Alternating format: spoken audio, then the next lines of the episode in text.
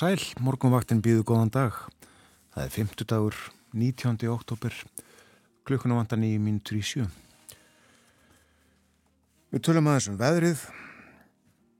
Krökkum á Akureyri var á sínum tíma allavega sagt að jæfnan var í Reykjavík rók og rigning. Það er nú ekki alveg rétt, en stundum. Og þannig það núna, var í það minnsta í morgun þegar umsjónamenn voru á leði til vinnu rók og ryggning og við sjáum á kortinu að uh, klukkan 6 uh, var nýju stíða hitti í Reykjavík. 11 metrar og sló í 23 í mestu kviðum. En ryggningin reyndar lítils háttar. Mjög lít á kanneri 12 stíða hitti þar austan 5 11 gráður í stikkisólmi allskíjað austan 11 kvassara í kviðum 10 stíða hitti á Patrísfyrði, 9 metrar, 12 gráður í Bólungavík, austan 5. Áttastega hitti bæði á Hólmavík og á Blönduósi og hægur vindur á báðum stöðum. Hægur vindur líka við Söðunarsvita, 11 stega hitti þar, 10 gráður á Akureyri, létt skíjað, 6 metrar, söðaustan. Áttastega Húsavík og 7 á Rauvarhöfn, 10 metrar á sekundu á Rauvarhöfn, 9 gráður bæði á Skeltingstöðum og á Egilstöðum, lítilsáttar súld á Egilstöðum og 9 metrar sunnanátt þar. 9 stega hitti á höfni Hortnafyrði og 11 metrar, 8 gráður á Kvískerjum og 10 metrar, norðanátt á Kvískerjum og enn áttastega hitti á kirkjubæðaklaustri og 16 metrar þar, austan 16, sló í 24 metra í mestu kviðu. Og förum við þá til Vestmanæja, nýjustega hitti á Stórhauða klukkan 6, austan 31 metri. Og fór í 40 metra í mestu kviðu, bálkvast í Vestmanæjum. Og uh, kvast líka í Árnesi 18 metrar, 27 í mestu kviðu og 11 steg að hitti og uh, fjögur að 5 og 6 steg að hitti á Hálendinu. Og ekki jafn kvast þar eins og sumstaðar í byggð. Og uh, það verður áfram kvast, það er í gildi gul viðvörun um, á höfuborgarsvæðinu á Suðurlandi, Faxaflóa og á miðhálendinu vegna hvassveðrisins gildir til kvölds og uh, veður horfinnar þannig að það er söðaustanátt víða 15 til 25 metrar á sekundu hvassast um landið söðvestanvert.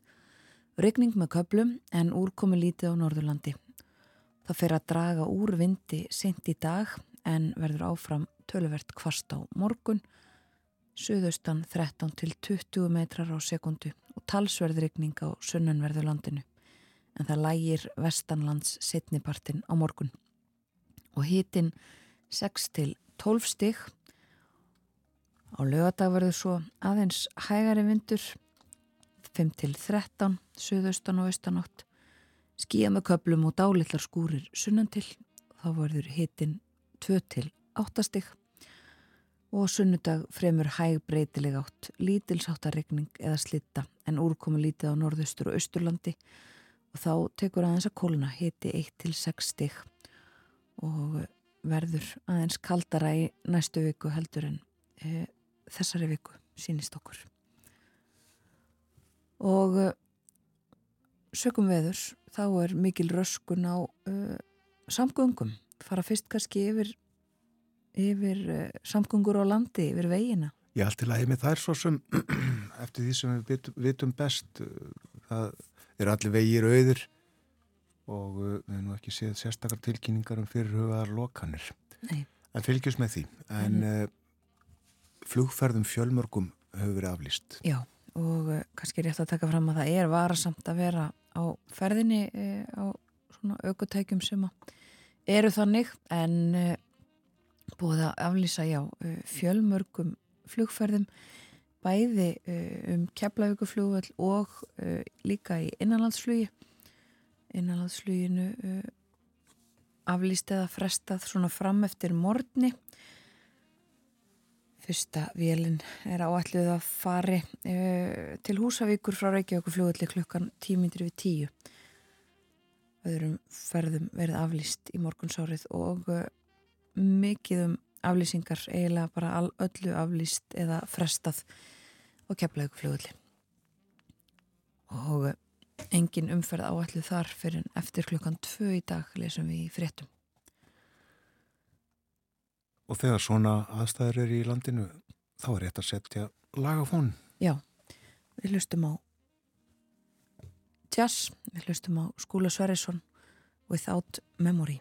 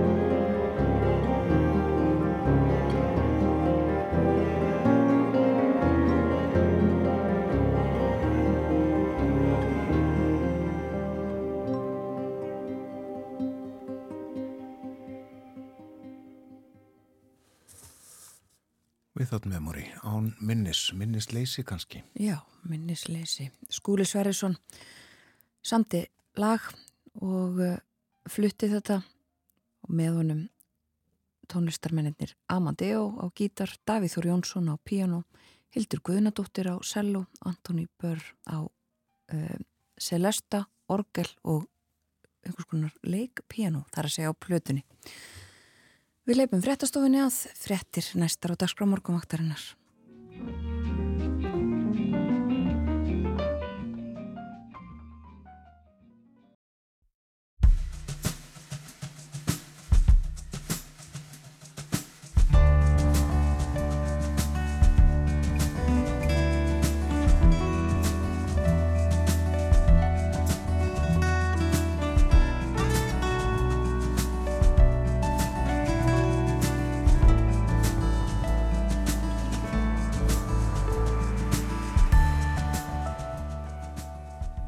Dag. Morgunvaktin helsar 5. daginn 19. oktober. Umsjónar menn eru Björn Þór Sigbjörnsson og Þórun Elisabeth Bógadóttir. Við förum út í heim með bóga ágúsinni og eftir ástandið fyrir botni miðjararhafsverður til umfjöllunar, skelvingarnar þar. Og við minnumst líka Marti Atisari sem lesta mánudag. Hann var fósett í Finnlands í sex ár en er ekki síst minnst fyrir framlagsitt til friðar í heiminum. Bógi sest við heimsklukkan klukkan hálf áttan. Og eftir morgun frettir verður Anna Sigriður Ólafstóttir, professori næringarfræði með okkur. Konur og matur eru efst á matseilinum hjá okkur í dag. Tilefnið er kvennafríið eða kvennaverkvallið á þriðutægin. Mataræði og matarvenjur og ekki síst þörf fyrir tiltekin næringarefni er ekki eins hjá kynjónum. Og í síðasta hluta þáttarins fyrir við í söguna við forrætnumstum skrúð við núp í dýrafyrði og eldstu byggðina á Ísafyrði í neðsta kaupstað. Tilefnið er nýleg friðlýsing skrúðs og sérstök vernd neðsta kaupstaðar. Jóna Simónia Bjarnadóttir, forstuðumadur byggðasaps vestfjörða, segir okkur frá þessum perlum tveim. Hún verður í símanu klukkan hálf nýju, talar frá neðsta kaupstað. Og lítum Aðeins til veðurs, nú er nærri kirstæð 970 millibara lægð, stött norðaustur af kvarfi og 1030 eh, millibara hæð er yfir Skandinavi, segir í hugleggingum veðurfræðings. Saman beina þessi kerfi til okkar tungu af hlýjulofti úr suðaustri. Það eru þéttar þrýstilínur yfir landinu og kvassviðri eða stormur á suður og vesturlandi í dag. Í lægðinni er kaldur kjarni og tungan er eins og áður sagði hlý og á mörgum loft, loftmassana eru veðraskil og úrkoma myndast. Það má því búast við vætusömu veðri þó hann hangi lengst af þurr norðanlands. Og á morgun er útlitt fyrir allkvassan vind nokkuð víða og talsverðrykning verður á sunnanverðurlandinu. Síðdegis á morgun lægir vestan til. Hiti í dag og á morgun á bylinu 6 til 12 stig. Um helgina er svo útlitt fyrir breytingu á veðri því vindur verður tiltölulega hægur og breytileg vindátt. Engverjar úrkomu er að vænta í flestum landslutum en þurrir kaplar líka og hitatölunar fara niður á við. Svona hljóma hugleðingar veðurfræðings í dag og má þá minna á gulu viðvaranirnar sem eru í gildi fram á kvöld á höfuborgarsvæðinu, Suðurlandi, Faxaflóa og mið Hálendi og eins og við nefndum fyrir fréttinnar þá er af þeim sökum uh, búið að fresta eða aflýsa fjölmörgum flugferðum bæði innanlandsflugi núna fram eftir mótni og uh, í millilandaflugi. Það eru töluvert viðtækari aflýsingar þar uh, og frestanir. Ekki gert ráð fyrir að verði farið að fljúa um keflavíkurflugull fyrir einhvern mann eftir hátegi klukkan 7 fyrir 7 uh, minútum voru 32 metrar á sekund á stóruða vindræðin þar fóri 39 mestu kviðu það er svakalega kast Nú, nú lítum í blöð ásakið og byrjum á fórsíðu morgunblöðsins þar er fjallað um uh, lagfræðikostnað sem að uh, já, þjóðkirkjan eða biskupstofa hefur stofnað til á árinu og uh, kostnæðurinn komin í 23 miljónir það sem þegar hefur verið bókfært þetta eru upplýsingar sem að morgunblæðið hefur fengið frá Birgi Gunnarsinni frangatastjóra Rekstra stofu kirkjunar og uh, það hafa ekki fengist upplýsingar um kostnað vegna einstakra mála eða tilvika þrátt fyrir óskþarum blæði líklega höttunum eftir upplýsingum um uh, lögfræði kostnað í tengslum við mál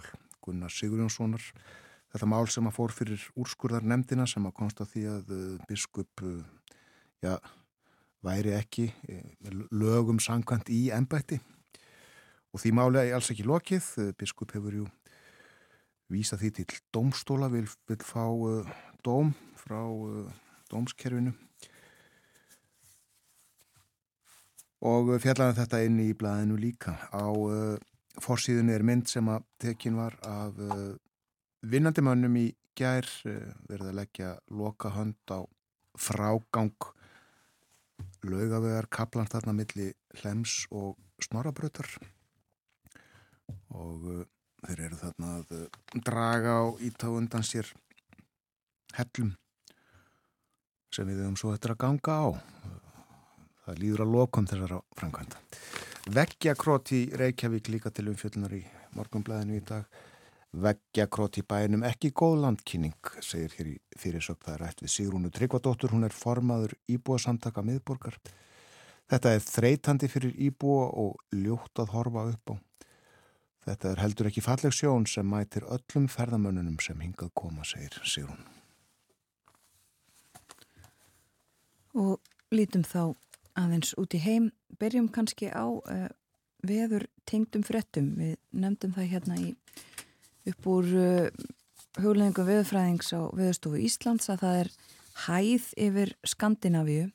Það áþó ekki við alveg allstæðar vegna þess að uh, hluti Danmerkur fær til sín lægð á morgun líklega snemma í fyrramálið og það verður og er gert ráð fyrir eh, mjög vondu veðri eins og það er orðað í frettum í Damörku um, öfgakent veður, eitthvað sem gerist sjaldan.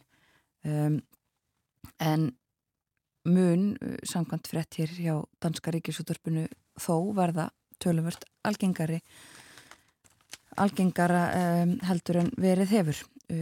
Þetta er verður verst eh, síðst í Danmörku og eh, verið að eh, undirbúa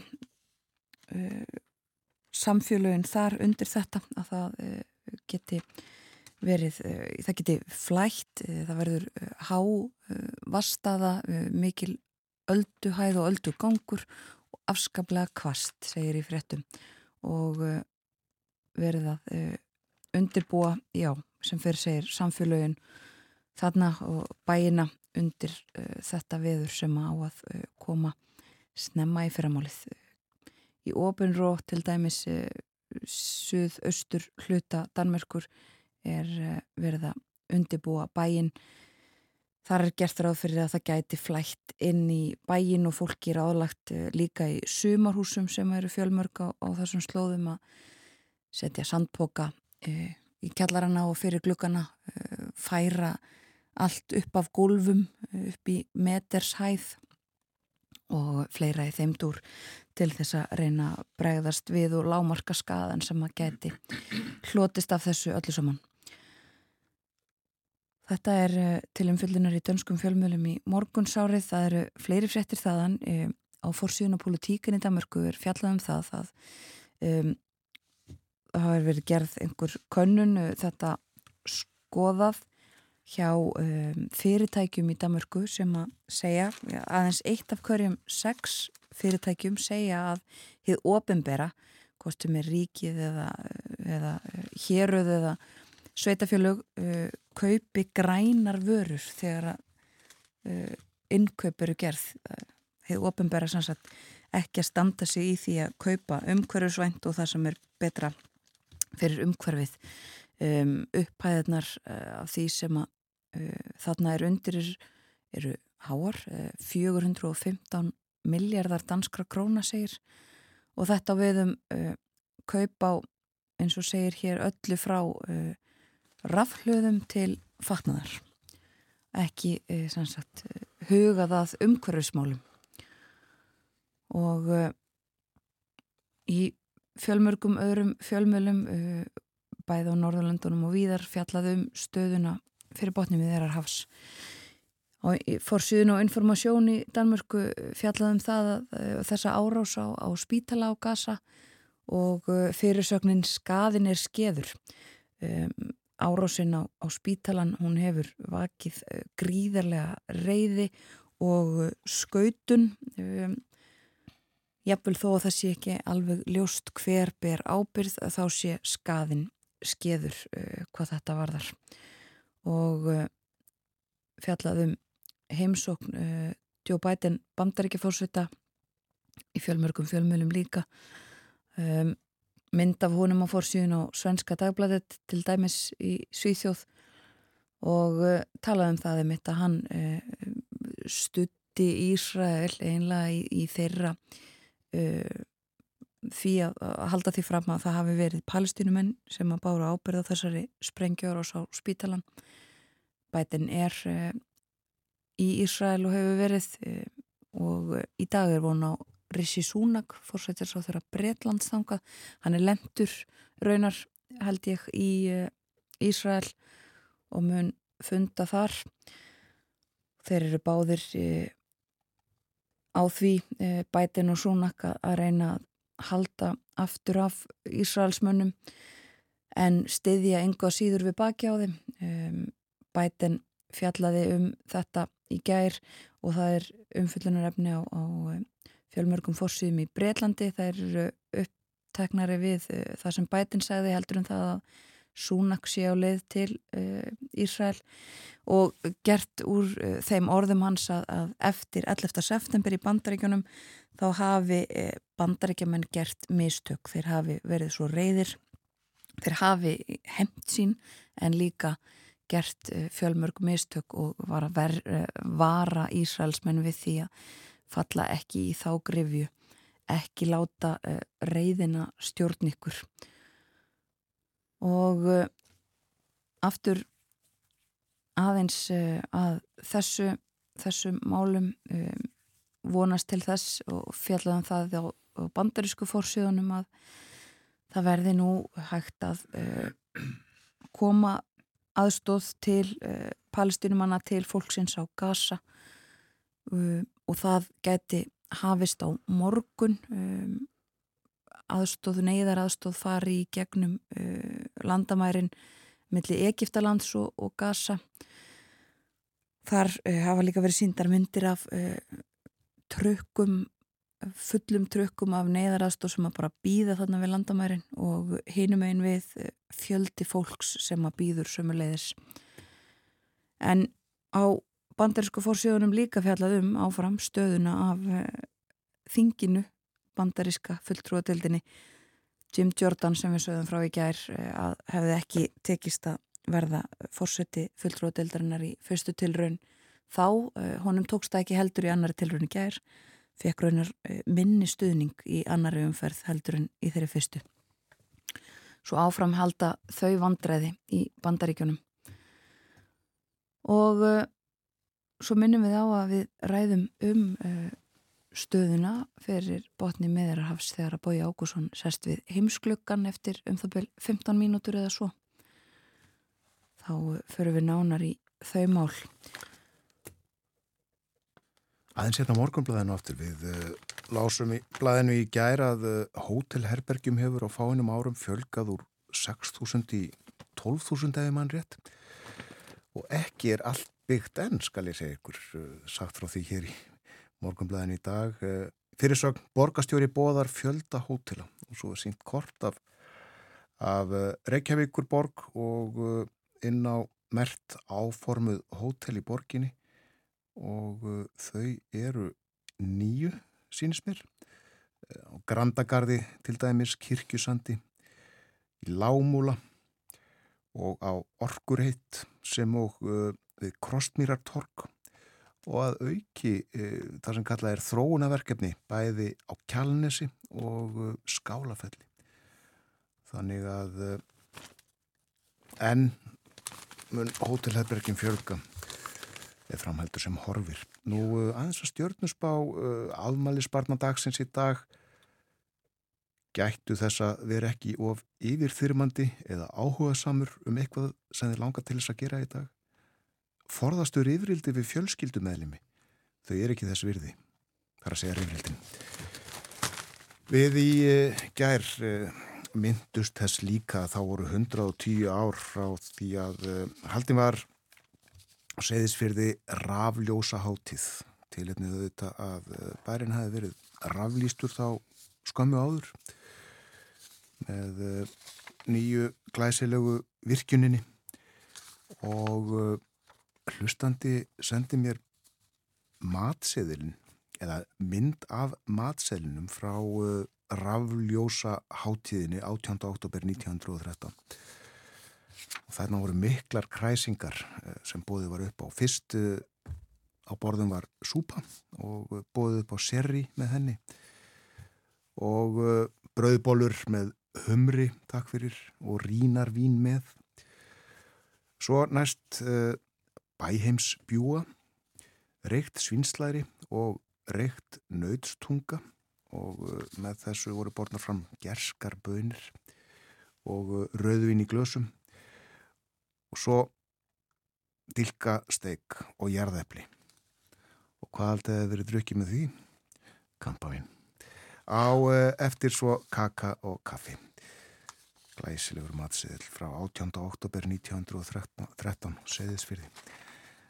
En uh, það var uh, líka sagt frá því á sínum tíma að uh, ekki minna en sjö kvæði voru orrt í uh, tengslu við þessa ljósa hátíð, rafljósa hátíð á Seyðisfjörði og fluttið að sungin í þessari fínu veislu. Þrjú voru eftir Sigur Argrímsson, fjögur eftir Karl Jónasson.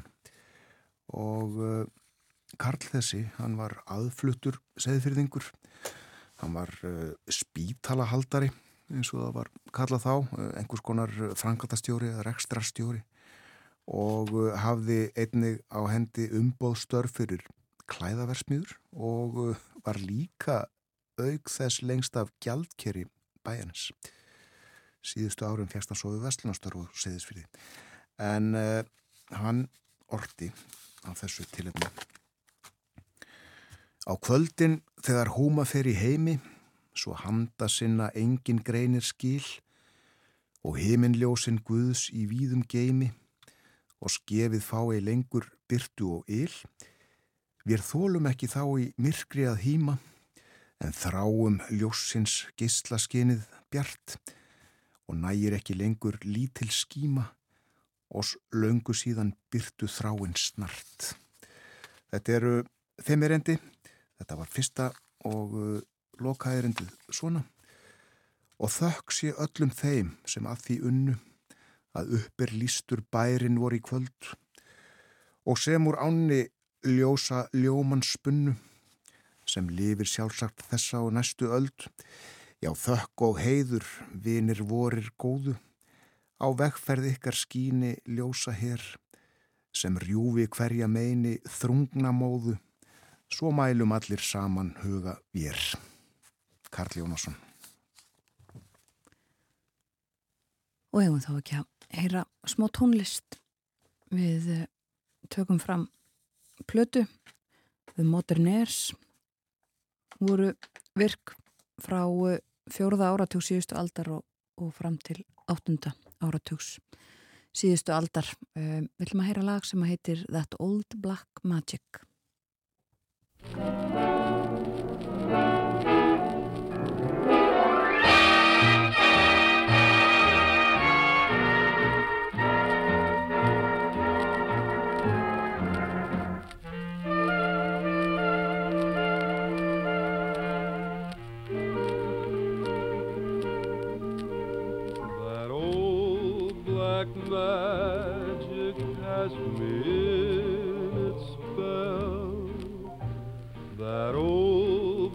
magic that you weave so well.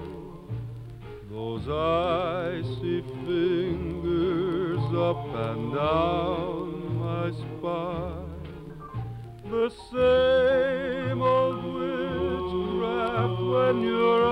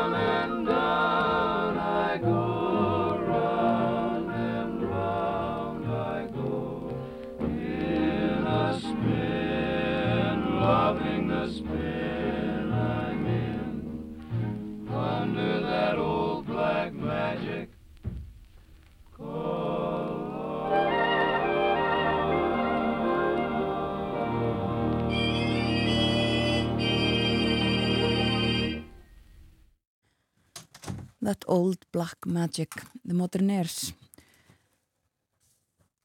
Líkum þetta. Hér á morgunvaktinni þessi sveit bandarísk var virk uh, í áratvíi á síðustu öld. Við förum að hleypa fréttastofunni að. Uh, það eru fréttir sem eru, nei frétta yfirlit sem er næst á dagskrá. Bói Ágússon er að koma sér fyrir hérna hjá okkur sest við heimsklukkan eftir örfór mínútur. Ætlum að ræða um eh, ástandið fyrir botni miðirahafs, stöðumála í Ísrael og uh, á Gaza og uh, ætlum líka að minnast Marti Artisari. Artisari. Það eftir nokkra mínútur.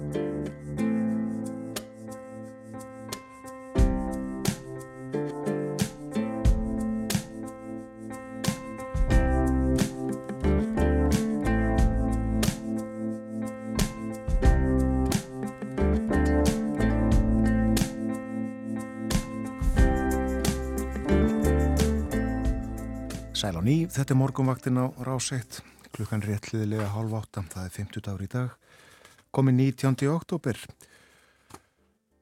og ímislegt uh, framöndan hjá okkur hér í þettinum nefnum það fyrst uh, fyrir fólk sem að vara að vakna og hefur ekki átt að segja á því að það er uh, kvast víða, víða bálkvast á landinu og verður áfram fram eftir degi en svo ávist að læja svona undir kvöld og uh, af þessum sökum uh, liggur flugumferð til og frá landinu meira eða miðina niður, eða alfærið held ég uh, fram eftir degi, ég held að að tóa málinu um eða uppur hátið eitthvað svo leiðis innanlandsflugið það liggur líka niðri. Og vara við umferð á vegum sömstaðar á landinu víða kannski þar sem að kvast getur verið og sérlega kvast í vindstrengjum. Nú aðeins að því sem er framöndan hér eftir morgun fréttinar klukkan átta þá er dagskrárliðurinn ráðalaður dagskamtur á dagskrá, Anna Sigriður Ólafsdóttir professor í næringafræði verði með okkur. Og hún ætlar að tala um eins og hún orðar það sjálf hvenna fæði meira um það á eftir. Og uh, milli hálf nýju og nýju þá ætlum við að tala um skrúð í dýrafyrði og líka neðsta kaupstað á Ísafyrði á Skutulsfjörðar eirinni og uh, tilhefni það að uh, skrúður var friðlýstur á dögunum og uh, neðsti kaupstaður fekk staðfestingu sem verndar svæði innan sveitarfélags. Þetta eru svona ákveðnir flokkar sem eru til í svona verndunar kerfinu okkar. Jónas Simónia Bjarnadóttir sagfræðingur og fórstuðmaður byggðasaps vestfjörða verður í símanum hjá okkur þarna upp úr hálf nýju. En uh, nú ætlum við út í heim ég Ágússon er komin til okkur og sestur við heimsklukkan. Góðan daginn. Góðan dag. Við ætlum, eins og við höfum sagt frá hér fyrir morgun að uh, tala um uh, þetta skjelvingar ástand fyrir botni miðararhafs á eftir. En uh, fyrst ætlum við að minnast Marti Atisari sem að lesta mándag.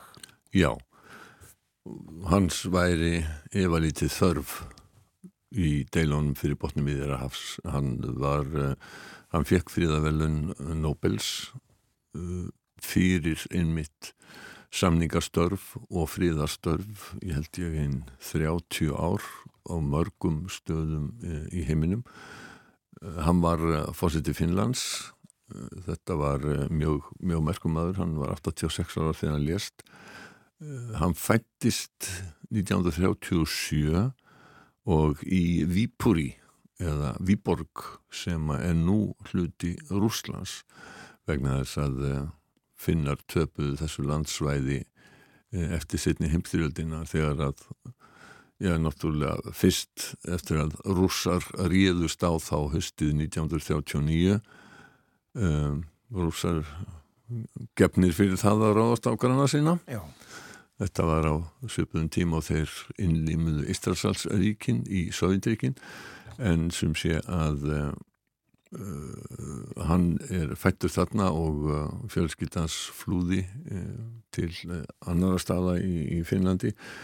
Attisari var, var kennari að ment og, og hann var mjög mikil málamaður, hann talaði sænsku sem er nú kannski ekki mikil tíðnit í Finnlandi en, en uh, frönsku, þísku og ennsku og uh, hann starfaði fyrst við þróunar aðstóð og, gekk síðan til liðs við uh, finnsku utanrikistjónustuna, var meðal annars sendið hér að Finnlands í, Tansaníu.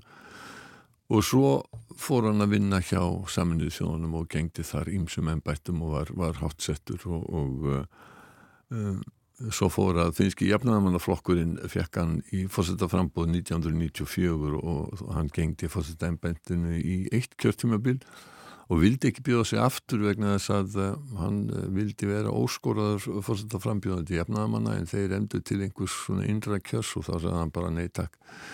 Að hann er talin ég sko, meðan hann var ennþá fósiti það var áðurinn að voru gerða breytingar á, á uh, lögum og stjórnarskrá í Finnlandum embættis við fósitans, þannig að hann var valda meiri heldur en um, núverandi fósitar eru.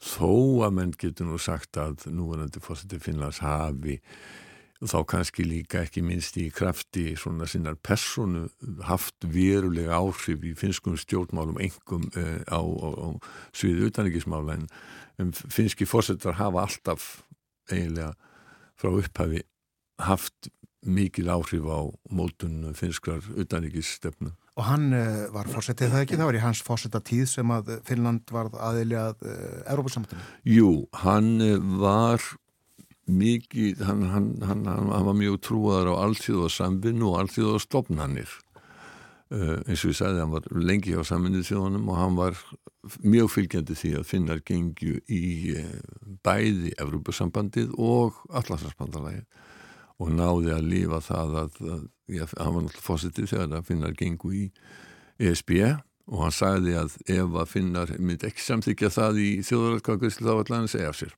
Já. En svo fór að, að verulegu meiri hluti finna að samþykkur í göngunni og svo gengur finnar að sjálfsögðu inn í inn í Evropus, nei inn í, í Allarslandsbandalægið mm.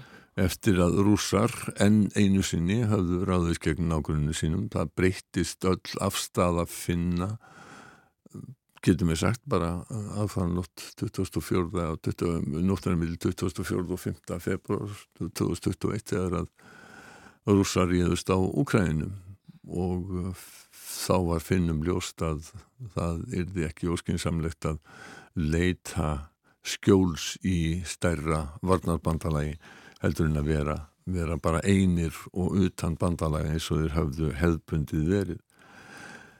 Sko, eh, margt af því sem að hann eh, gerði sko, hann vann eh, hann, hann var í Kosovo uh, einn af þeim og, og talin ber ábyrð á því að það náðist að leysa Kosovo-deinuna hann er að Kosovo var, var sjálfstækt hann uh, var líka, var líka mikið í Indonísi og Norður Írlandi og ekki síst í, í Namibíu þegar að um, þarna upp á 1990 þegar að hvita apartheid minni hlutastjórnin í Suður Afríku lagðist af og, og Namibíja varð sjálfstætt ríki. Eh, hann var svo mjög vinsætla suður frá að Namibíjumenn gerði hann að heiðurs ríkisborgara uh, þannig að þetta var afskaplega merkur maður Já. og uh, Alexander Stubb með fyriröndi fósættisráþara og fjármálaráþara og utanrikiðsráþara Finnlands og er nú í fósættaframbóði hann talaði um og skrifaði um hann og sagði að hann hefði verið einstakur maður sem hefði helgað lífsitt friði og hugsanlega hefði heimurinn aldrei þurft meira á honum að halda heldur en akkurat núna Attisari sagði raunar sko eftir að hafa staðið í fríðarumleitunum fyrir, fyrir botni miðurhafs að uh, það uh, hann, hann, hann einfallega skammaði bæði ríkistjórnir þar og ekki síst uh, stórveldi fyrir það að vilja ekki beita sér heilum hug og leggja eitthvað á sig til þess að ná fríði í þessum heimsluta. Marti Attisari einmitt þeirra skoðunar að og sagði það er hægt að leysa allar deilur, þetta er spurningum vilja. Það var eitt af því sem að hann, já, já þetta má, má svo svo segja að það hefði verið Já, bara svona motto hans. Já, og hann hlaut fríðaveli Nobels 2008 líklega. Já. Já, Já sjaldan verið meiri þarf á einmitt fólki eins og honum sem trúur á frið og, og samning, einmitt eru Björn segir að það sé hægt að leysa allar deilur. Við ætlum að ræða um deilur sem að verðist nú óleysanlega og þessar skelvingar sem að eiga sér stað á Gaza þessa dagana. Við sögðum frá því fyrir morgunna að Rissi Súnak, fórsettir að það að Breitlands er mættur til Ísrael rétt eins og Joe Biden bandriki fórseti í gær. Hvað er að gerast þarna uh, núna? Það sem er að gerast er það að árásinn á sjúkurhásið að Lali Arab Baptist spítalan á norðluta Gaza vilðist hafa hlift þessari deilu sem var nú og snúin fyrir í algjöran hnút tekið uh, þarna fórust sennilega í kringum 500 manns Ísraelsmenn bera brigður á þessa tölu. Um, en það er, það er eiginlega alveg ómögulegt að sláði förstu um, hvað gerðist, hverji bera ábyrð á þessu. Ímsir um, vestræni fjölmirar hafa þó sagt að skýringar Ísælsmanna séu bísna samfærandi, það eru myndir, það eru vídeo sem að virðast sína uh, flög fara á loft og svona eiginlega springa eða brotna. Þetta er í myrkvi, þannig að þetta er ekki mjög skýrt.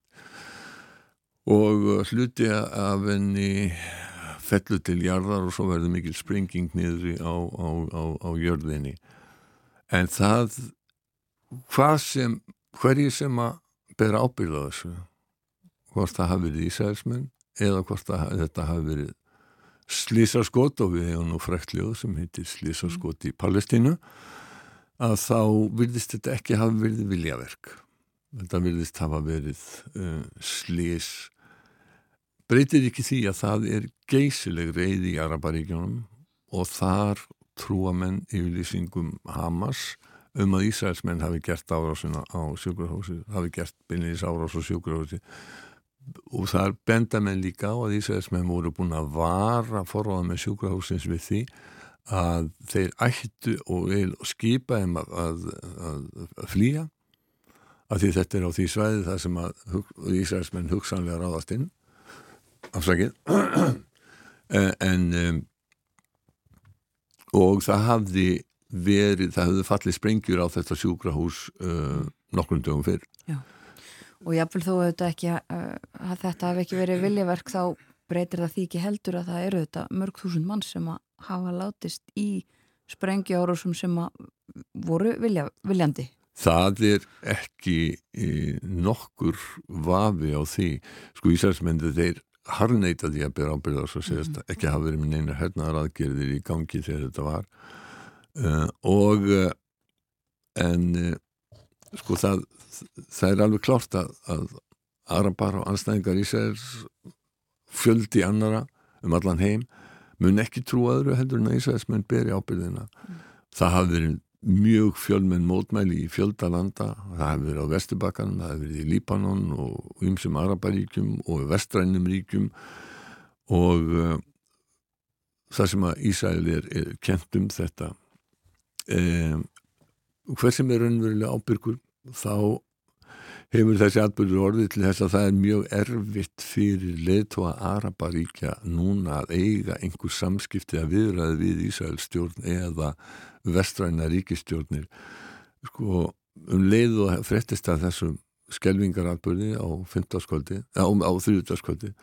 þá uh, aflýsti Mammo Sabat leiðtöði PLO á Vesturbakkanum uh, fundi sem hann og fórsætti Egiptalands og uh, Jórdaníu kongur áttu að eiga daginn eftir með Joe Biden bandaríkja fórsætta þar með var eiginlega alveg ljóst að Biden væri að fara erindis leysu til miðusturlanda í þessa skindiferð sem hann fór, hann kom þarna í gerðmorgun og fór í gerðkvöld og uh, hann fór bara til Ísraels og, og faðmaði Benjamin Netanyahu og listi yfir ævarandi stuðning í bandaríkjana við, við Ísraelsmenn en náði ekki að hitta neina leðtóa Araparíkja þannig að þetta hefur nú vantanlega ekki orðið til þess að minka reyði anstæðninga Ísraelsmanna í gard bandaríkjana og uh, þessi reyði hún er slík í Araparíkjónum að, að það þorir valla nokkur liðtóa þeirra. Þeir voga segil ekki að eiga í samskiptum við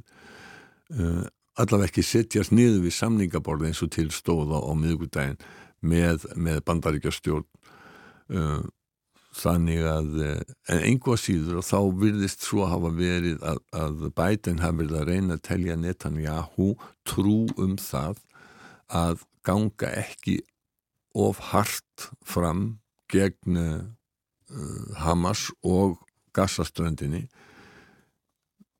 sko Ísraelsmenn segjast ekki ráðast á almenna borgara en eins og þú varst að benda á og þórun að það er einhvað síður staðreind að, að það hafa uppundir 1000 börn fallið á Gassa í hernaðaraðgerðum Ísraelsmanna á síðustu tíu dögum samkvæmt því sem að yfirvöld á gasa segja. Mm.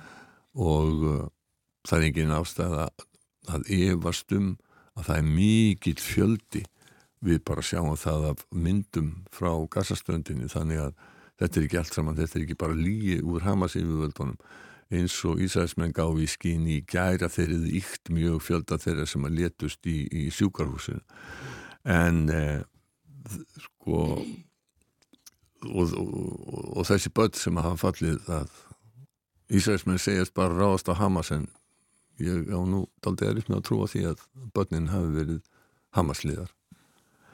Um, það má minna á líka að 2014 á, þá skutuður talandi mistug þá skutu þeir á, á stúlkna skóla saminnið þjóðana þegar það voru svona átök á gasa og viðkendi það setna og, og sagði að það hefði verið mistök mm. um, og svo tilkynnti Ísæðismenn í gær og það er hugsanlega afleiðing af um, ferð bætens að uh, þeir ætlu ekki að skipta sér af landamærum Gaza og Egyptanas því að þeir hafa verið búin að vera með eiginlega meira og minna stöður árásir á svæði þar í kring til þess að loka þeim landamærum uh, og þetta þýðisist að þeir ætluð að leifa flutninga á vistum þarna, þarna yfir. Nú,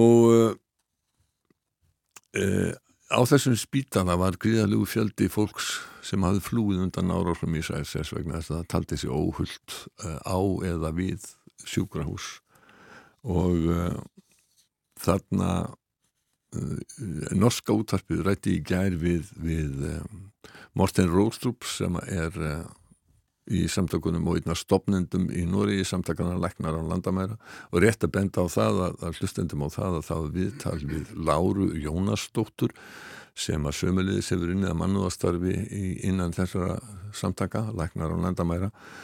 Eh, en þessi Róstrúp hann hefur tekið þátt í mannúðastarfi áratugum saman og, og hérna að hann var í viðtali við Norska Ríkisúttarpið í gærum ástandið á sjúkrahúsum á Gaza. Og hann var spurður hvernig væri hægt að stunda lækningar á Gaza núna og hann saði að það væri ekki hægt. Það hefði þurft að hætta uh, hætta að lækna sjúklinga vegna þess að það var allt uppurinn engin líf og ástandið skjelvilegt starfsfólkið væri örvendingafull það örvendingafullt það óttist um lífsitt margir hefði mist ástvinni og margir ætti ekki heimili lengur hann sæst ekki geta líst þessu við getum ekki skilið hversu skelvilita ástandið er. Hvordan er det å drive medisinsk hjelp på Gaza nå? Det er en, så å si umulig. I går måtte vi stoppe all vår medisinske aktivitet, for vi hadde ikke mer forsyninger, vi har ikke mer medisiner, vi har ikke mer medisinsk utstyr til å ta hånd om, og det er fortvila situasjon. Og personalet vårt, de er livredde. Noen har mistet familiemedlemmer, mange har mistet sine hjem. Så, så jeg kan nesten ikke beskrive, jeg tror ikke vi forstår hvor, hvor, hvor forfeilet dette er. Morten Rostrup var svo spurður að því hvað allsvíða samfélagi gæti gert og hann svarði því að það yrði að krefjast vopna hljés, það yrði að fá byrðirinn á gasa og það yrði að fá neyðaraðstóð og opna landamærin. Uh, og ef ekki yrði vopna hljé og Ísraelsmenn en hvað ef það verður ekki vopna hljé en það svo spurður og Ísraelsmenn ráðast inn þá sagði Rostrup að hann geti ekki hugsað þá hugsun til enda það yrði svo skelvilegt Hva kan det internasjonale samfunnet gjøre for å bedre denne situasjonen? Man må legge press på partene i konflikt. Man må få en våpenhvile. Man må få inn forsyninger, humanitær hjelp. Man må åpne for vann. Det er mulig å gjøre ting her, men det krever at partene eh, går sammen og, og, og gjør dette, åpner opp Og, grenser. og hvis de ikke gjør det, og det istedenfor kommer en bakkeinvasjon fra Jeg det israelske ikke- forsvaret Jeg tør ikke å tenke på konsekvensene. Det er for grusomt. Já, hann getur ekki hugsað þá hugsun til enda uh, en uh, hvað með aðra? Er uh, einhverja vangaveltur að vera að ræða það hvað hvað gerist næst? Hvernig þetta? Ég sko samkvæmt uh, því sem að Joe Biden sagði við fréttamenn í flugvilinni þegar hann var á leiðinni heima þá uh, já Ísraelsmenn sagði líka þeir ætluði ekki að skipta sér á Suðurlandamærunum um, að þá verða verður 20 trukkum fullum af hjálpargóknum leift að fara á morgun Mm -hmm. yfir landamæri frá Egyptalandi það hefur mjög takmarkað að segja við erum að tala um 20 þóttir séu stóri vörubílar að þá erum að tala um 20 fyrir landsvæði þar sem að búa á það sem býr á þriðju miljón uh, og er búin að vera e, það eru, það eru það er rúm vika síðan Ísæðismenn skrúðu fyrir vatn byrðaflutninga, líf mat allt annað. Þannig að ástandi þarna er með þeim hætti að 20 trukkar þeir bre- breyti ekki neinu. Auðvitað er það vonum við að þetta verði bara upphafið einhverju meira. Uh, það hafa ekki fengist neina staðfesta fréttir en það búist við því að, að Egiptaður muni leifa fólki sem er af öðru þjóðirni heldur en Palestíns eða uh, palestínumenn eða eru með uh, töfalt ríkisfang að fara frá Gaza uh, en það er alveg klárt að Egiptar þeir vilja ekki opna landamærin fyrir íbúum Gaza. Og þeir vilja ekki að það verði flottamannabúðir í Egiptalandi og þeir vilja ekki taka áhættun á því að Hamas geti reyðra um sig á þeim stað. Þannig að eh, þetta þetta mun ekki hafa mjög mikið að segja og Ísraelsmenn þeir hafa ha- haldið sig fast við það að eh, fram að þessu að þeir ætli ekki að leifa neina byrðaflutninga til Gaza fyrir að búið er að láta lausa þá gísla sem að voru teknir í þessari ókunvænlegu hefndaverkar og hríðverkar árar sem að Hamas gerði e, á Ísrael þar sem að, já, sennilega 14 til 1500 manns fórust, voru myrt sögurnar af því, myndirnar af því eru svo skelvilegar að það já, ma- mann er eiginlega fallast orð og hér sama má svo sem segja um, um það þegar að börn eru að reyna að grafa með höndunum í húsarústum til þess að finna fóruðar sína eftir, eftir uh, árásir uh, Ísraelsmanna.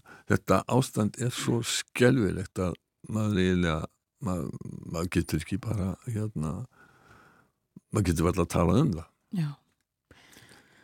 en sko svo spyrir ég menn er einhver er einhver svona stór er einhver pólitísk lust möguleg þá getum við sagt að að það voru upp úr 1990 voru bundnar vonir við því svo kallaða Oslo fríðarferli Já.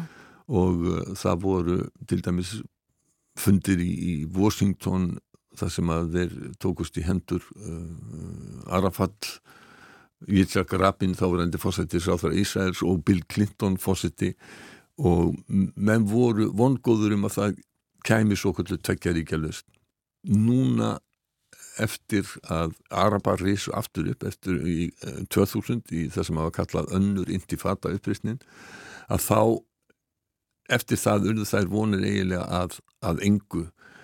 Uh, og það er ekki síst vegna stefnu Ísraelsmanna á landnáms uh, á herrtegnu svæðunum á vestupakkanum þar sem að þeir hafa verið að, að ræna palestinum en landi. Það er talað um landnáms stefnu Ísraelsmanna, það má alveg tala um landránsstefnu uh, þannig að uh, palestinum eru vonlausir eiginlega orðnir um það að, að það takist að, að fá Ísraelsmenn til þess að fallast á það að þeir eignist sitt eigið ríki þannig að bjart síni nei, það er ekki bjart sínum frið og þessum slóðum á næstunni Nei. Takk fyrir í dag Bói Ágursson.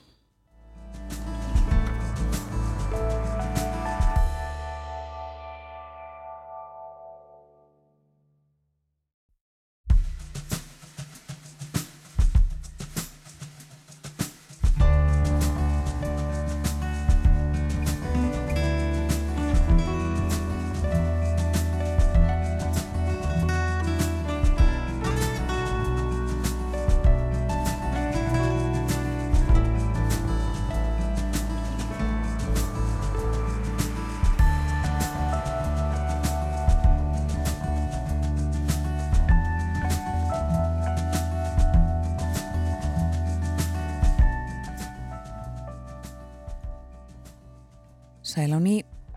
Þetta er morgunvaktin á rás 1. Klukkan tæpar 6 mínútur gengin í nýju og það er 50 dagur í dag. 19. oktober. Fyrir frettinnar var hjá okkur Bói Ágússon, hann settist við heimsklukkan. Fórum yfir meðal annars ástandið fyrir botni meðrahafsstöðumála í Ísrael og á Gazasvæðinu. Þessar skelvingar sem þar eiga sér stað og hafa átt sér stað undarfarna daga. Tjó bætin bandaríkjafórseti var í Ísrael og nú er þangað komin Rissi Súnak, fórsetis að þara Breitlands og búið að tilkynna að það verði opnað fyrir landamærin frá Egiptalandi og inn á Gaza á morgun líklega og þangað verði hlift 20 trukkum vörubílum af uh, neyðaraðstóð en eins og farið var yfir þá uh, dugar það skamt hversu hlaðinir sem að 20 vörubílar eru uh, þá er þar ekki nægar vistir fyrir tæpar nei, uh, á þriðju miljón manna sem að búa á gasasvæðinu Við minnum á það líka að í síðasta hlutu þáttarins förum við vestur þá ætlum við að ræða um friðlýsingu skrúðs í dýrafyrði og staðfestingu á að neðsti kaupstaður og skutulsfjörðareyri á Ísafyrði verði sérstakt vendarsvæði.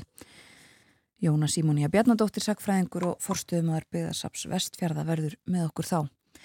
En nú er það ráðlaður dagskamtur. Anna Sigriður Ólafsdóttir, professor í næringafræði við Háskóla Íslands er komin til okkar. Góðan dag. Góðan daginn.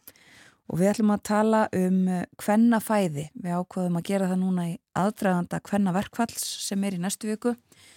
Tala svo litið um konur og næringu og mat. Já, og það er nefnilega sko, næring hvenna er kannski flóknari heldur en ef við horfum og almennt hefur við að tala um til dæmis ráðlíkingar, þá erum við oftast að tala um bara þarna fólk sem heilt og almennu ráðlíkingarnar að það er tilgreina voðalega lítið í raun og veru kynja mun en vegna bæði hormóna og þarna þess hlutverks að fæða af sér afkvæmi þá er í raun og veru næring hvenna allt flóknari og hefur áhrif á fleiri. Og þarna og svo er þetta með við horfum að fæðu óeriki að þá vegur það líka þingra þegar konur er annarsögar og það er þá fæðu óeriki gengur út á í raun og veru það hvort þú hefur nægan magn og næg gæði og öriki um að þú fáir mat og, og, og aðgengi að honum og það eru þá félagslegar og fjárhagslegar aðstæður sem að oft vega mjög þungt þar. Þannig að mér fannst þetta svona svolítið tilöfni í, í, í tengslu við hvenna verkvall að þarna huga út í þessa sérstöðu hvenna þegar matur er annars vegar og það er annars vegar þá þessar lífræðilegu þarfir en svo er það kannski hlutverk okkar í þessu matar samfélagi og við vorum náttúrulega að tala hérna um verkaskiptingu fyrir tveimu vikum síðan og hérna fréttin á rúfum það hvað konur bera ennþá miklar byrðar í því samhengi. Og ég kannski kem aðeins aftur inn á það í lokin því að það kannski sýnir líka sko að, að, að einhverju leiti þá, þá er þetta líka hluti sem gæti lamast svolítið ef að, ef að konur tæk ekki þessa miklu byrði sem að, sem að fylgir matnum og allir skipla í kringum hann.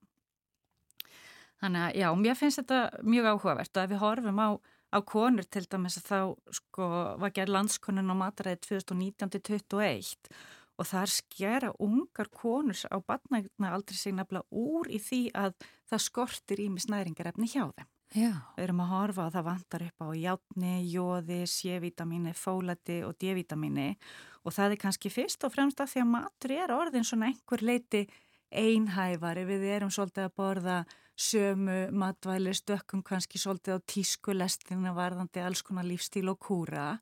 Og konur eru kannski einhverju leiti oft fljótari að taka svona eh, tískuströyma og, og tillögur og, og hlut af því er eins og það að, þarna, að, að það er að stökka til tengt útlitsmiðuðum eða aldursmiðuðum uh, áherslum í þá oftar markasetningi og heldur en hefbundnum ráðleggingum uh, og þarna eru líka sko hlutir eins og uh, hormónajapvægi, breytingar á hormónum og breytingaskeiði, íþróttaafreg en staðreindin er að það eru gríðarlega gött í þekkingu á sagt, þörfum hvenna þegar við erum komin út í þessara sérhæfðari þætti þannig að eins og íþróttanæring hjá konum er bara tiltula nýtt rannsóknarsvið en er í veldisvexti. Já. Það sama er ef við horfum til dæmis á breytingaskeiðið og þar alveg þá er svolítið þegar umræðan fer í gang og fullinningar það eru oft annars verið að skjön við gaggrænda þekkingu og svo ef maður fer til dæmis að hlusta og fylgjast með podcastum og annað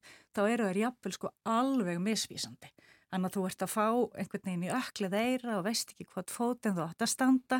Og, og þetta býr líka til ákveðið svona óöryggi og óþægjandum í raun og hvenar ert að gera rétt. Og, og, og þannig að, að það er mjög miklu að hugsa og þannig að ég vil kannski tengt þessu okkur að segja sko að þær rannsóknir sem eru staðfestur og góðar, það er okkur rannsóknir og lengri tíma rannsóknir um hlutverk okkar sem í raun og veru móðir því að koma okkur afkvæmi það að hugað frjósemi og svo framveist þannig að, að það sína bara hvað læknisfræðin og, og, og viðhort til hvenna hefur svolítið verið að það hefur ekki verið í þessari afreiksmiðum fá sem mest út úr lífinu líða sem best en þangað erum við komið núna. En við þurfum að stíga vallega til jarðar í því að í raun og veru bú ekki til einhvers konar villandi upplýsingar eða fæðutengdan óta og það ég hef oft talað um þetta hérna svona fæðutengtur kvíði að hann er orðin bara viðvarand og þá sérstaklega hjá ungum konum. Þannig að ef ég segja aftur þetta reg þetta hvað vantar mikið upp á í fæði ungra kvenna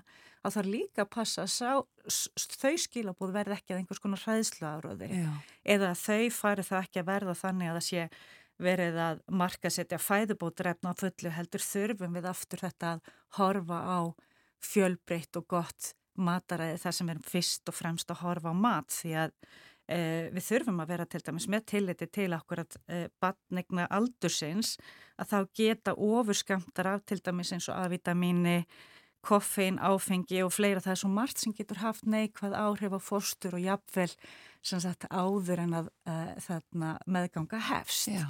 Þannig að þetta er ótrúlega sko og, og, og það sem er einn rannsókn sem ég finnst að rannsóknir sem eru svona hluta til dýrarannsóknum og það er líka til rannsóknir í tengslum við hérna hungursneiður í heiminum og þá sjáum við sko eggbú kvenkins afkvæma getur haft áhrif í margar kynnslóðir. Þannig að sem sagt ef að amma þín er barnshafandi af móður þinni og það er að myndast þarna ekkin í fóstrinu, þá myndi það hafa áhrif á þinn vöxt og þroska og þína frjósemi síðan mér. Þannig að það er allavega þrjár kynnslöðir undir Já. og það er kannski oft það sem við högstum ekki út í að þetta að, að við erum að hafa áhrif á miklu fleiri en okkur sjálfar þegar við erum að velja okkur mat og hvernig við borðum. Já, þú segir sko, annars eru einmitt, sko, unga konur eru líklegast til þess að einmitt vera með svona, einhver, einhver svona kvíða í tengslum við mat uh, og svona einmitt óvísindalega en svona tilfinningin kannski er að, að þær reyni að huga að næringunni sinni og svo leiðis, en eru þær þá bara eru þær einmitt kannski með of mikið af einhverjum ákveðnum uh, næringarefnum og þær vantar þetta eins og segir hvað játn og jóð og Já, D-vitamin og kannski, kannski sko búin til einhvers konar ímynd og við erum náttúrulega, það eru þessi svona félagslegu viðmið og gildi og annað og tískuströymar að, og þetta er orðið sko upplýsinga óriða í tengslu með mat er orðin miklu, miklu meiri í þessu samfélagi, samfélagsmiðla til dæmis í dag og þá ef við horfum á áhættuhópurinn er akkurat yngstu hópur hvenna sem er kannski í dag að borða hvað fjärst sínum raunverulegu þörfum. Já, Eh, svo bætist við þetta okkur þetta sko orku þörf hvenna er náttúrulega minna en kalla einfallega við erum smæri minni vöðvamassi annað sem að þarna þarf að hafa í huga. Þannig að það er um það bil 25% minni orku þörf en á sama tíma er þörf fyrir magn næringaefna oftast jaft og stundum herra Já. og þá ennþá herra þegar kemur að meðgöngu brjóstakjöf.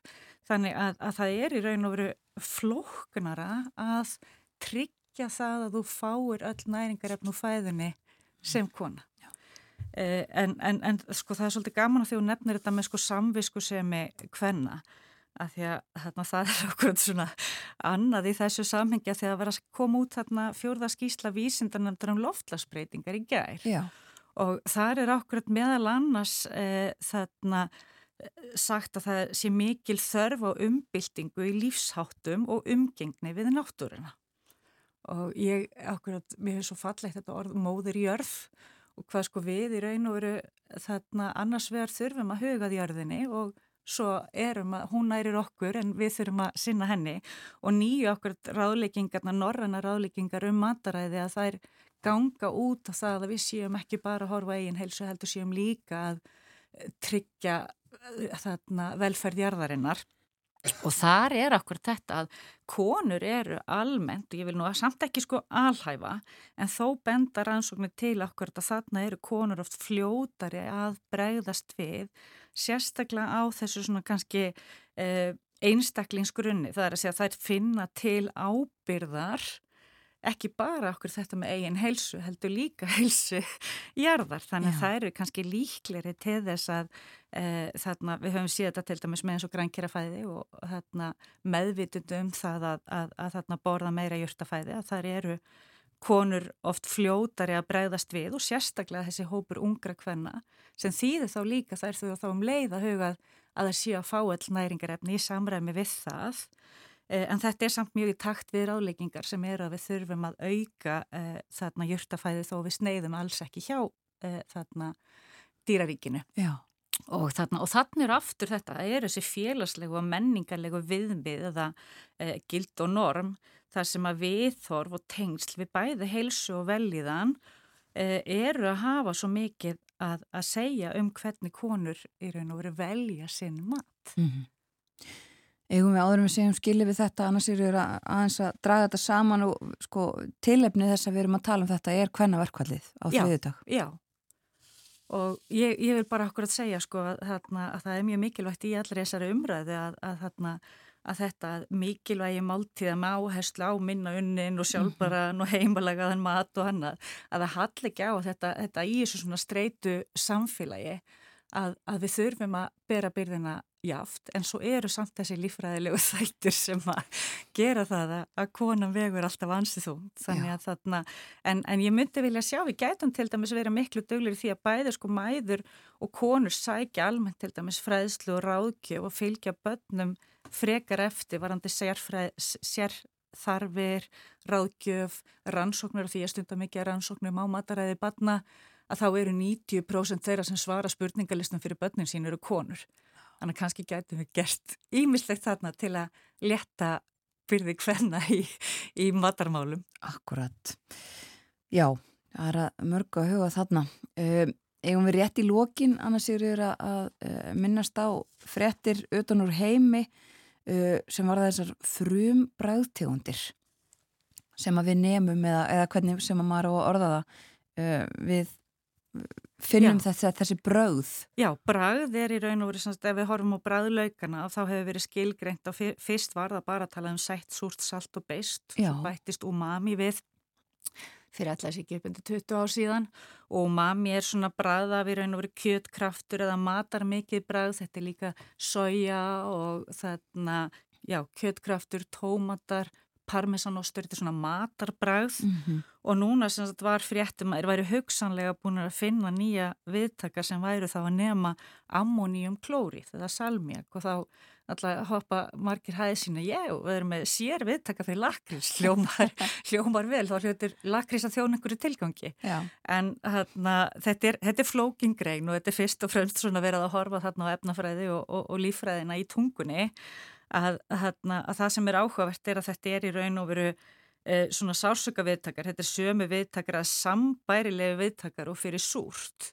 Og ef við horfum á sko þessi grunnbröð að þá er akkurat sko sætabræðið og umami-bræðið og mildt saltbræð, þau gefa líka mannum einhvers konar bóð um að það sé næringar að vænta á meðan súrt og biturt og líka ofur saltbröð að þau er í raun og veru búið til varnar viðbræði líkamanns við að hugsanlega sé á ferðinu eitthvað eitrað eða skemmt. Já. Þannig að, að, að, að þeir verðist vera að þetta sé kannski samskona svörun þannig að, þarna, þannig að þetta sé kannski frekar einhvers konar sásiki heldur en, heldur en gleði við bræðlugana og, og það er auðvitað sko líka þetta, það er alltaf verið að deilum sko hvað er... Uh, að því að við erum annars vegar með bræðlöka en svo erum við líka með sásökanema, við erum líka með áferðarnema, við erum með nema sem að skinja hítasti og allt þetta er í raun og verið til þess að undibú okkur undir hvort við hefum að kingja eða ekki. Eh, en, en, en, en sko bræð hefur í sjálfu sér ósku blítið að segja því að án lyktar verður bræð til til að daburt og það eru sko um 300 viðtakar tengdir lykt. Þannig að hún er kannski einhverju leiti merkilegri heldur en Já. sjálfi bræðlugarnir og svo er það þessi heildar skinnjun sem hefur mest að segja. Þannig að þetta muni engu breytum það hvort sko lakrís verður ekki hotlari fyrir bræðið. Hann er ennþá eitthvað sem við eigum að vara okkur á og það verður alveg bara eins að borðan. Þetta breytir einhverju svona verilegu fyrir líf okkar. En vissuleg er þetta forvitnilegt og þetta sýnir líka það að við erum alltaf að læra eitthvað nýtt og við erum alltaf ykkur eitthvað nýtt. Já. Takk fyrir í dag, Anna Sigriður Ólafsdóttir, professor í næringafræði. Takk, takk. Ráðlaður dagskamtur á dagskráni hjá okkur hér á morgumvaktinni á 50. dagsmótnum. Og við töluðum aðalega um kvennafæði og uh, það er flókimál. Uh, konur, uh, já, þurfa ekki það sama og karlar, þetta eru ólíkar þarfir og konur bera ennþá þingri byrðar þegar kemur að líka mataræði, ekki bara sín, heldur annara. Við ætlum að heyra lag áðurum við leipum fréttastofinni að þetta er Ingeborg Elsa Turki og lagið heitir Epta.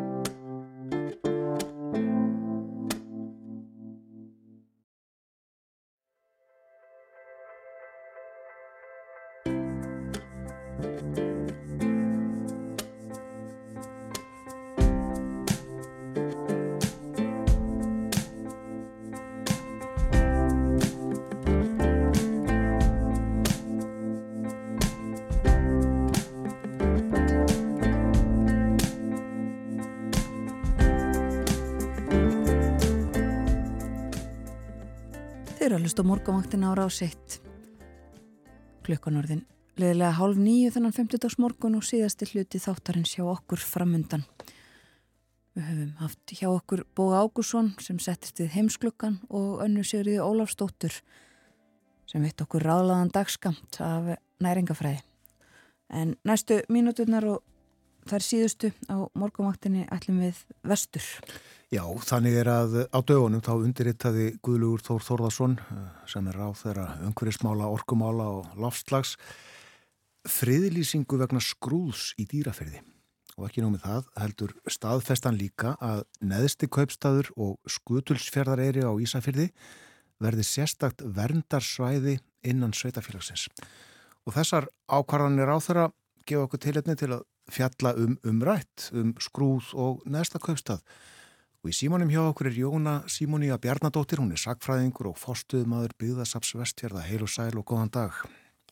Já, góðan daginn. Og þú talar einmitt frá neðsta kaupstað ekki satt? Jú, jú. Ég er stödd þar, hérna, í fættasúsinu. Bíl þar og uh, það er elsta húsið á þessu svæði ekki satt? Nei, ekki alveg, því að uh, krambúðin er eldri. Ah, Rúlega byggð 1757, allavega í síðasta lagi 1760. Og hérna, já, þannig að hún er elsta búðin sem sem, þetta var sem sem búðin sjálf, hún er elsta húsið sem er standandi núna. faktorshúsið Ögningra. Já, 1765. Og þetta auðvitað með elstu húsum á landinu.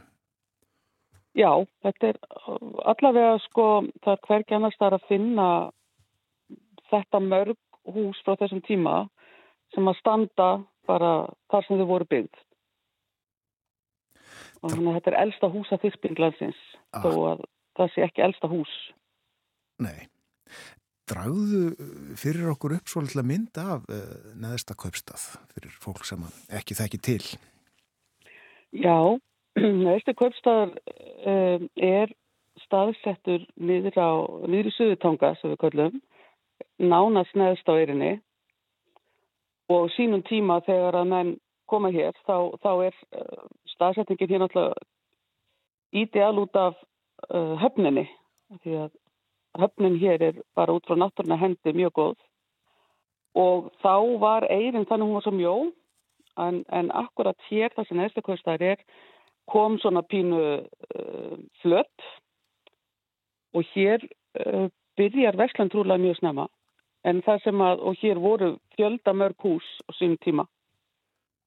En eftir stendur að þessi húsaþyrpingana þegar maður kemur, keirir hérna niður aðalgötana niður Suðutanga að þá kemur maður að þessum gömlu húsum sem eru mjög ábyrrandi á sitt einkennandi útlitt, brött þök og björkahús og, og hérna og þau standa, maður kemur fyrst sem að tjöruhúsi sem að var svona uh, vöruhús. Síðan er krambúðinn sem að núna er íbúðarhús.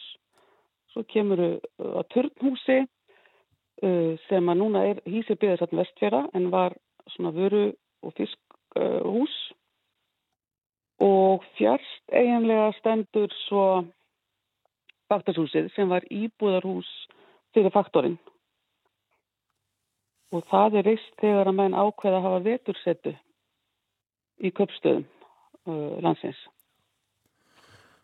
Og uh, voru þarna mörg hús önnur líka sem að uh, svo hafa verið rifin eða, eða, horfið með einn með öðrum hætti. Já, já, það er hérna, hér var til dæmis Beikishús sem að við svo komist um að fannst, fannst heimild í Kaupmannhöfn fyrir nokkrum árum sem það okkur að það hús hafi til dæmis verið tekið niður á snemma á 19. öld og selt. Og það skemmtilega mitt við þessi hús er að þau eru bara sett saman þau eru innflutt og þau eru sett saman á staðnum. Og þess, maður sér þessi hús færi um Grænlandi til dæmis. Og hérna og menn, það var ekkert mál að flytja þá húsin á milli eftir þörfum og, og það var einfallega, húsið var bara tekið niður og flutt á nýjan stað. Já, þetta er stórmerkilegt auðvitað uh, bráð snjált hugvit. Algjörlega. Og þegar við erum að tala um svona þegar að hérna þetta með einingarhús og eitthvað svona sko mm -hmm. þessi hugmynd var náttúrulega löngu komið fram sko. Já, engin að finna pjóli í dag í þeim efnum. Nei, alls ekki sko. Og svo byggðu þeir, þetta var líka þannig að eins og húsið á Eirabakka er nákvæmlega eins og faktorshúsi hér nema það er starra svo náttúrulega breytast húsin uh, gegnum tíðina og, og, og hérna hann er þegar maður kemur að húsunum þá kannski átt að maður sé ekki alltaf á að þau eru í raun uh, ferð inn þá eru þau nákvæmlega eins sko. Já, einmitt. Það er praktíst Mjög praktíst Hvað heldur að margir hafi búið þarna á eirinni þarna á áranum undir 1800? Sko það eru nú ekki það eru ekki margir, þetta er einhverju dýr sko því að uh, það hefst náttúrulega uh, þetta var samt þannig, þetta var fyrst og fremst bara Vestlun og Vestlunin var uh, náttúrulega mest megnis um sumarið svo, og svona einhverju verkun og í kringum það, þannig að það er þeir sem búa hér eiginlega fram undir 1830 búa í rauninni bara í þessum þrejum köpstöðum sem eru hér á eirinni neðsta kaupstað, uh, miðkaupstað og hæsta kaupstað og svo upp á pressitrunni Eyri. Og þetta fólk var allt bara tengt, þetta var sem sé Veslanarstjórun og hans fólk, þjónustu fólk, einhverju vinnumenn og kannski einstaka aðri sem að unnu tengt Veslanarni. Við þalda líka bátum og slíkt. Það er ekki fyrir 1830 sem að í raun að þeirra byggjast upp hérna þar sé að fólk að flytja yðnaðamenn í bæin með vaksandi útgerð og, og breytingum í Veslun og setjast að fá að byggja fyrir utan þessa þrjá köpstæði. Og það er þá hvar? Norðutangunum. Það er á Norðutangunum?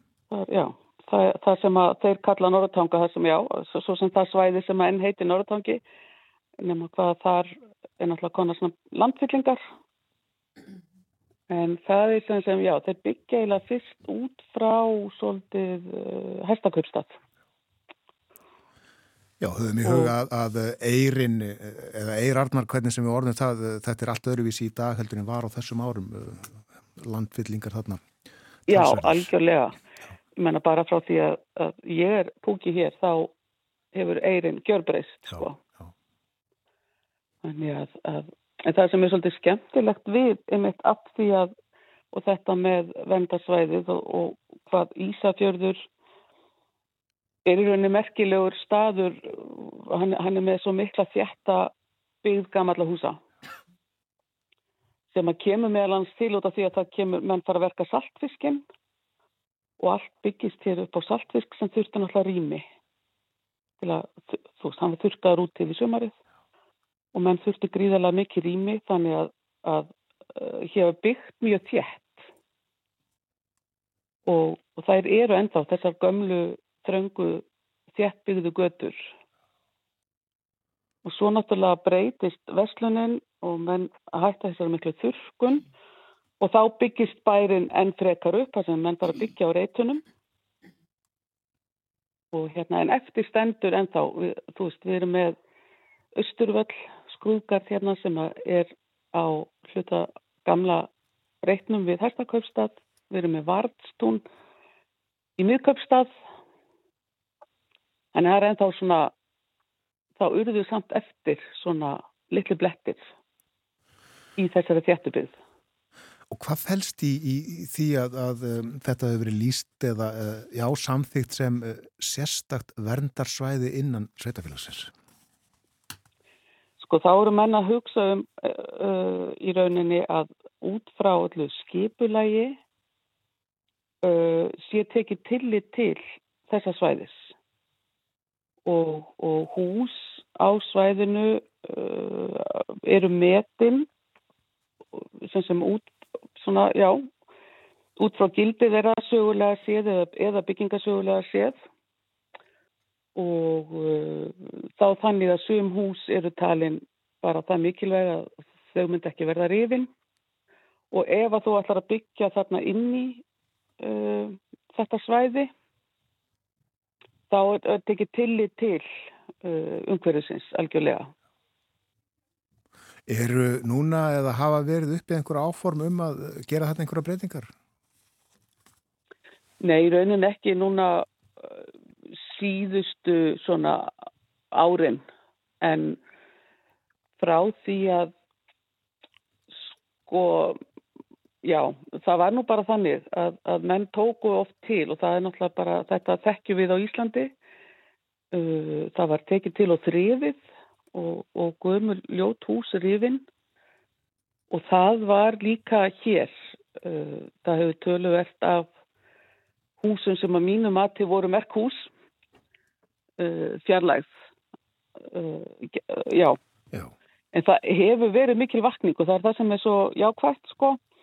Og það hefur verið mjög mikil vakning með þetta hér og fólk hefur verið sem, hefur, sem á þessi gömlu hús hefur lagt mikið, mikið metnað í að viðhalda þeim og gera þau upp. Já, en er uh, til fólk sem að grætur uh, fjallakattarins í Reykjavík á sínum tíma og, og það sama á við uh, um hjá ykkur hús sem að hefðu svo sannlega átt að fá að standa?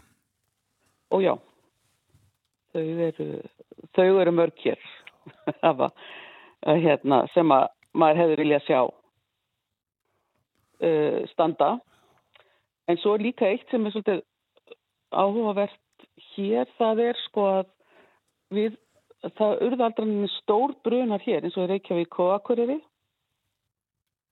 Uh, þannig að þó að hér hafi brunnið svona einstök hús eins og þeirra fellbrennu 46 en þá, þá, þá það brenna aldrei svona heilu hverfin Nei. eða húsa þyrspingarnar og það hefur uh, verið okkur til haps. En hefur eitthvað verið byggt í uh, þessum gamla anda hins einni ár? Já, það er náttúrulega, sko, það er til dæmis uh, húsi sem að það sem skristofu byggðarsafsins eru, það var byggt hérna í næsta köpstað og það er algjörlega svona í stíl við uh, gömlu húsin hinn. Það er svona hús með brötti þakki og, og, og margir áttar sér ekki á að þetta er nýra hús, sko. Nei, mitt. Það tekir svo vel til. Já, hann er að, að það sko, já, svo er til dæmis núna að vera að rýsa hérna nýju stúdendagarðar eða stúdendagarðar eittar sagt í, í fjörðarstrætinu og þeir eru svona byggðir í stíl við þann byggingastíl sem það er. Þannig að uh, það er svona aðeins verið að huga að þessu. Viðhald gamalla húsa eru þetta meiri átt að mál, ég tala nú ekki um mjög gamalla húsa, það er þekking á þessu öllu saman handverksmenn á Ísafyrði sem að kunna laga? Já, sem betur fyrir þá eru, eru ennþá eftir hérna menn sem að kunna þetta. Hér var nú lengi við hann Arnur Stíksson, hann var alveg meistar í þessu og átti stóran þátt í endurbyggingu eða lagfæringa húsunum hérna í næðsta og hérna, en þetta hefur farið áfram og, og, og við erum með svona hýrðsmið núna sem er Magnús Alfredsson Já. sem hefur tilengað sér uh, verklæðið. Þetta ásald að uh, labba hann um og skoða þessu gömlu húsi í trúi að uh, vekja aðtekli allra erlendu ferðamanna sem að heimsækja ykkur á sömurinn sérstaklega. Tala nú ekki um fólk sem að býr kannski nýlegum háhísum í Stórborgum. Já, það er hérna, ég held að stærsti hluti þeirra ferðamanna sem komu í Ísafjörð leggja leið sinni hinga nýrið til og fólk er náttúrulega bæði að koma á safnið og bara líka að njóta þess að vera hér yfir sumarið sko eins og sumarkvöldum, stillum, fólk er hérna að borða í tjöruhúsinu og svo, svo er það hérna bara á svæð, svæðinu, fara nýri fjöruna og njóta þess að vera hérna og húsin vekja mikla aðtigli og hérna já margir halda að þetta sé allt bara svona eitt byggðarsafn Já. uh, sem að sem að hérna þýðir náttúrulega að, að, að hér er leiðið á gluggum og svona sem er nú bara skemmtilegt sko. Trubla, trubla mann ekkert. Nei, ég trúi nú samt ekki öðrun að trubli einhverja. Já, já, maður heyrir alveg hérna að maður heyrir alveg að fólk hérna upp í bæ það sem er alltaf mjög vinsalt að, að lappum í þessum gömlega hverfum hérna, þetta pyrrar marga sko. En, en hérna ég er einhvern veginn uh, steinhætt að pyrra mási, ég bara passa að það sé svona þokkalegt innan dyra og eitthvað skemmtilegt í gluggum fyrir fólk að skoða. Og hérna og þá er þið velkoma að guða og glugga þetta er Já. líklega rétt að við þorfið. Eigum að, rúla okkur inn í dýrafjörðin og tala þessum skrúð, Já, þann dásanlega garð. já indislegu staður að koma á Já, og hann, ég var mjög, með, það gladdi mig mjög að hann fengi svona frílýsingu. Já, hérna, það er náttúrulega búið að vera uh, mikil endurbygging að eiga sér þar stað, búið að taka garðin svona í gegn. En, en hann er náttúrulega skorið mjög gammal, hann er stopnaður ágúst 1909 formlega. já, Mér minnir að þeir bræður Sigtryggur og Kristján hafi byrjað um 1905 á honum sko. Og hann, hann var náttúrulega hugsaður sem eins og var á þeim tíma hérna uh, sem fyrir skólan á núbi að þarna myndu nefnundur ræða, sko fræðast um, um hérna ræktun og slíkt. Og hvað væri hægt að rækta og gróðusetja á Íslandi. Og uh, það hérna og þannig var hann alveg í byrjun. Svo uh, svona smátt og smátt kannski má segja að það bætist í það er bara að setja niður náttúrulega tríu og það er bara að setja niður svona ymsan annan gróður og núna er þetta mest megnis uh, bara svona skrautgróður eða slíkt já. Listigarður, listigarður, já, skrúðgarður eins og hérna. En, en upphaflega var hann svona hugsaður til ræktunar á matjúrtum og slíku já, og hluti af skólastarfinu. og hluta skólastarfinu. En það, hann, þegar hann er formlega stopnaður þá er það uh, hvað, 150 árum eftir að fyrstu kartöblur eru setta niður í Söðlöksdal. Já, Þannig að þetta svona uh, Sigtryggur uh, greila tengdi þetta inn á þannig, uh, já, matjúrtaræktunina. já, þessi saga gánum tilefnið eiginlega til þess að ráðast í þetta. Já, Þeir bræður stórmerkilegir þetta. algjörlega og bara allt þetta starf sem var þarna á núpi uh, bara mjög merkilegt. Já, en svo fór hann í órækt er það ekki garður nefnt Jú, þetta er í rauninni þannig að, að, að uh, þegar að Sigtryggur deyr 50 og hvað, 7-8 slitt um, Hjalt, Hjaltlína konan hans, hún hafði þá mestmægni síðum garðin og uh, þegar hann deyr þá hættur hún afskiptum á garðinu með það koma þarna aðrir sem að taka við. En smátt og smátt fellur hann í órækt og uh, það er og hann verður bara svona í frekar, frekar dapur. En svo taka menn sig til uh, alltaf sé ekki bara kringum 1990 hann er það nú ekki alveg. Og endurreisa í rauninni garðin og hérna uh, fara, hann er allur tekinni gegn og er núna bara alveg svona paradís að koma í Algjörlega.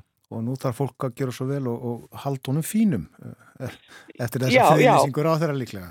Já, já, og ég menna það er þá líka tilöfni til að spýti lóana og, og, og setja svona fjö í það að viðhalda honum og, og hérna, já.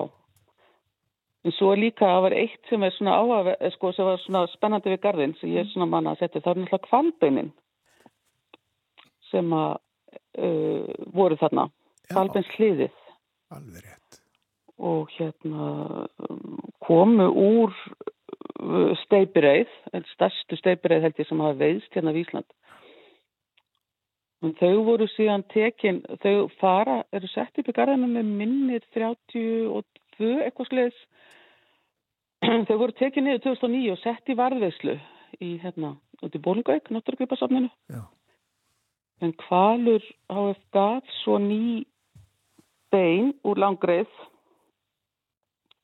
sem að hérna voru sett upp í staðin. Þannig að það er ennþá hlið kvelbeinum, Já. eh, kjálka, kjálkabeinum en hérna en búið að, að koma þessum gömlu beinum, stærsta, stærsta kvalnum í varðuslu. Þannig að þetta var svona skemmtilega list, sko. Já, einmitt, ágætist tilhugun. Þarna er það var allavega líka gósbrunur þeir voru nú ekki algengir þarna á árunum upp úr 1900.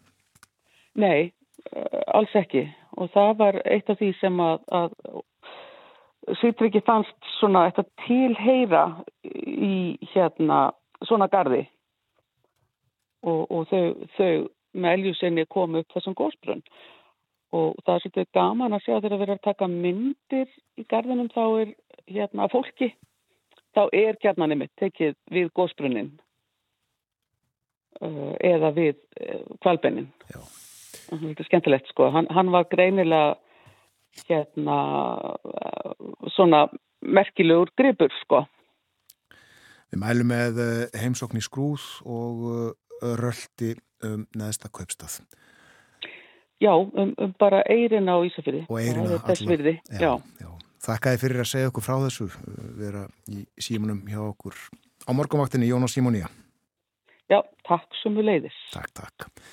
Jónas Simónia er uh, sakfræðingur og fórstuðum að byggðasaps vestfjörða sað okkur frá uh, skrúði í dýrafyrði og uh, eirinni í skuttulsfyrði.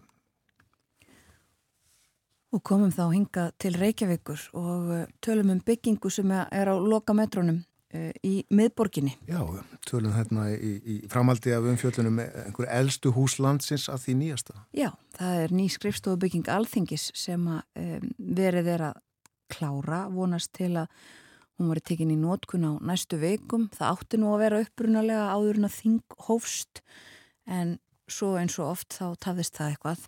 En það hefur sérst verið bóða til samkeppni um nafn á nýja skrifstofubyggingu Alþingis. Samkeppnin er opinn almenningi og verður tilkynnt um niðurstöðuna á fullveldistægin 1. desember næstkomandi. Í dómnemdum nafnið verður undirnemd forsætisnemdar um nýbyggingu ásand skrifstofustjóra alþingis. Það er að segja þingmennir Birgir Ormansson sem er fórsæti alþingis og varaforsætanir Línikarna Sæfastóttir og Andri Singi Jónsson og svo Ragnar Átnadóttir skrifstofustjóri og fær sérfræðinga skrifstofunar sér til aðstofar þessi dómnemd. Og frekari upplýsingar á vef alþingis og það er líka form sem hægt er að fylla inni með uh, tillögum. Já, annars er þingfundur á alþingi í dag, hann hefst klukkan hálf 11, hefst eins og eðla á 50 dögum á óundibúnum fyrirspurna tíma. Meðal þeirra sem verða til svara eru nýr fjármála og efnarsráþara og nýr utaríkisráþara. Það er að segja Þúrdís Kolbrún og Bjarni Benditsson sem hafa haft stólaskipti eins og hlustundum er kunnugt. Ekki þingfundur á morgun, vanlega ekki þingfundur á förstu dögum en uh, þingfundur á dagskrá eftir helgi. Hvernig er það að hafa alþingiskonur eitthvað sagt til um það hvort það er ætla að mæta í vinnuna á þriðudaginn? Uh, ég hef ekki séð uh, rætt um það en hins vegar þá gáfu konur í borgarstjórn það út að þær hefðust leggja niður störf á þriðu dagina stöku. Spurning hvort að það verða einhver, verður einhver tíðenda að vænta frá þinginu. En að eins og staðan er núna þá er gert ráð fyrir þingfundi að minnst okkar stáð þriðu dagina stöku. Já, og við getum getið þess núna að aðeins dimrataðri um sjónamaður þáttarins verður á morgunvaktinu á þriðu dagina. En þessu er lokið hjá okkur í dag. Við þökkum samfélgina þennan 50 dags morgunin.